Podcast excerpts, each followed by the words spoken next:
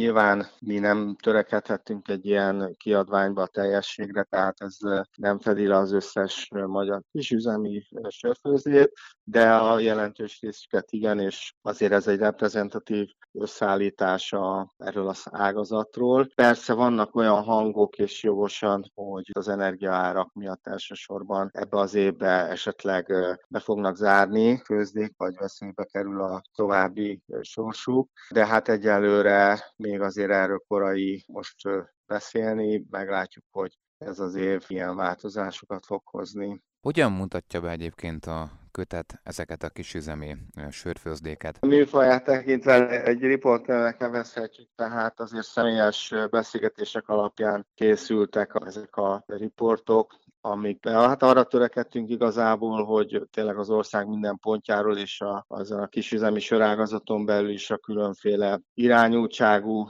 stílusú főzdéket bemutassuk. Hát azért vannak ezek között már 30 éve működő főzdék, akik még a 90-es évek elejéről megmaradtak, nem túl sokan vannak ilyenek, de igyekeztünk őket is megszólítani, és vannak köztük egészen frissen alakult főzdék, meg ezek a prémium kategóriákat megcélozó újullámos főzdék, meg hát van még egy kis fejezet a az apátsági főzdékről, mert az elmúlt években ez a történelmi hagyomány, hogy régen azért az apátságok környékén főzték úgymond a sört még a középkorban. Ez most van egy ilyen örvendetes folyamat, hogy itthon is ez a, újraindulnak ilyen apátságokhoz köthető termékek. Úgyhogy nagyjából ez volt a, az elképzelésünk a összeállításnál.